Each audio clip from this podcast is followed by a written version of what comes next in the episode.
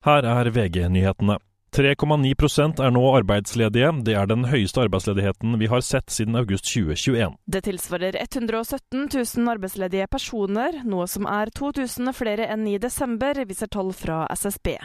Mye av økningen kom blant menn i alderen 25 år og oppover. Gjennom store deler av fjoråret lå arbeidsledigheten på 3,5% før det nå altså er kommet opp i 3,9.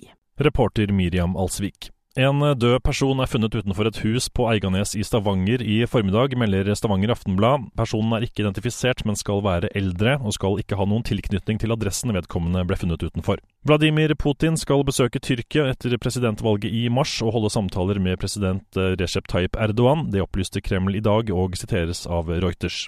Telenor, Telia og Convene setter alle tre ned eller fjerner fakturagebyrene de har operert med. Det skjer etter at Forbrukertilsynet varslet vedtak mot selskapene. F.eks. reduserer Telenor prisene på papirafakturgebyr fra kroner 79 til 6,50. Verken Caroline Graham Hansen eller Ada Hegerberg rekker morgendagens returoppgjør mot Kroatia i Nasjonsligaen. Begge fikk smeller underveis i forrige kamp. I studio Andreas Hagen Håkonsen, nyhetene får du alltid på VG.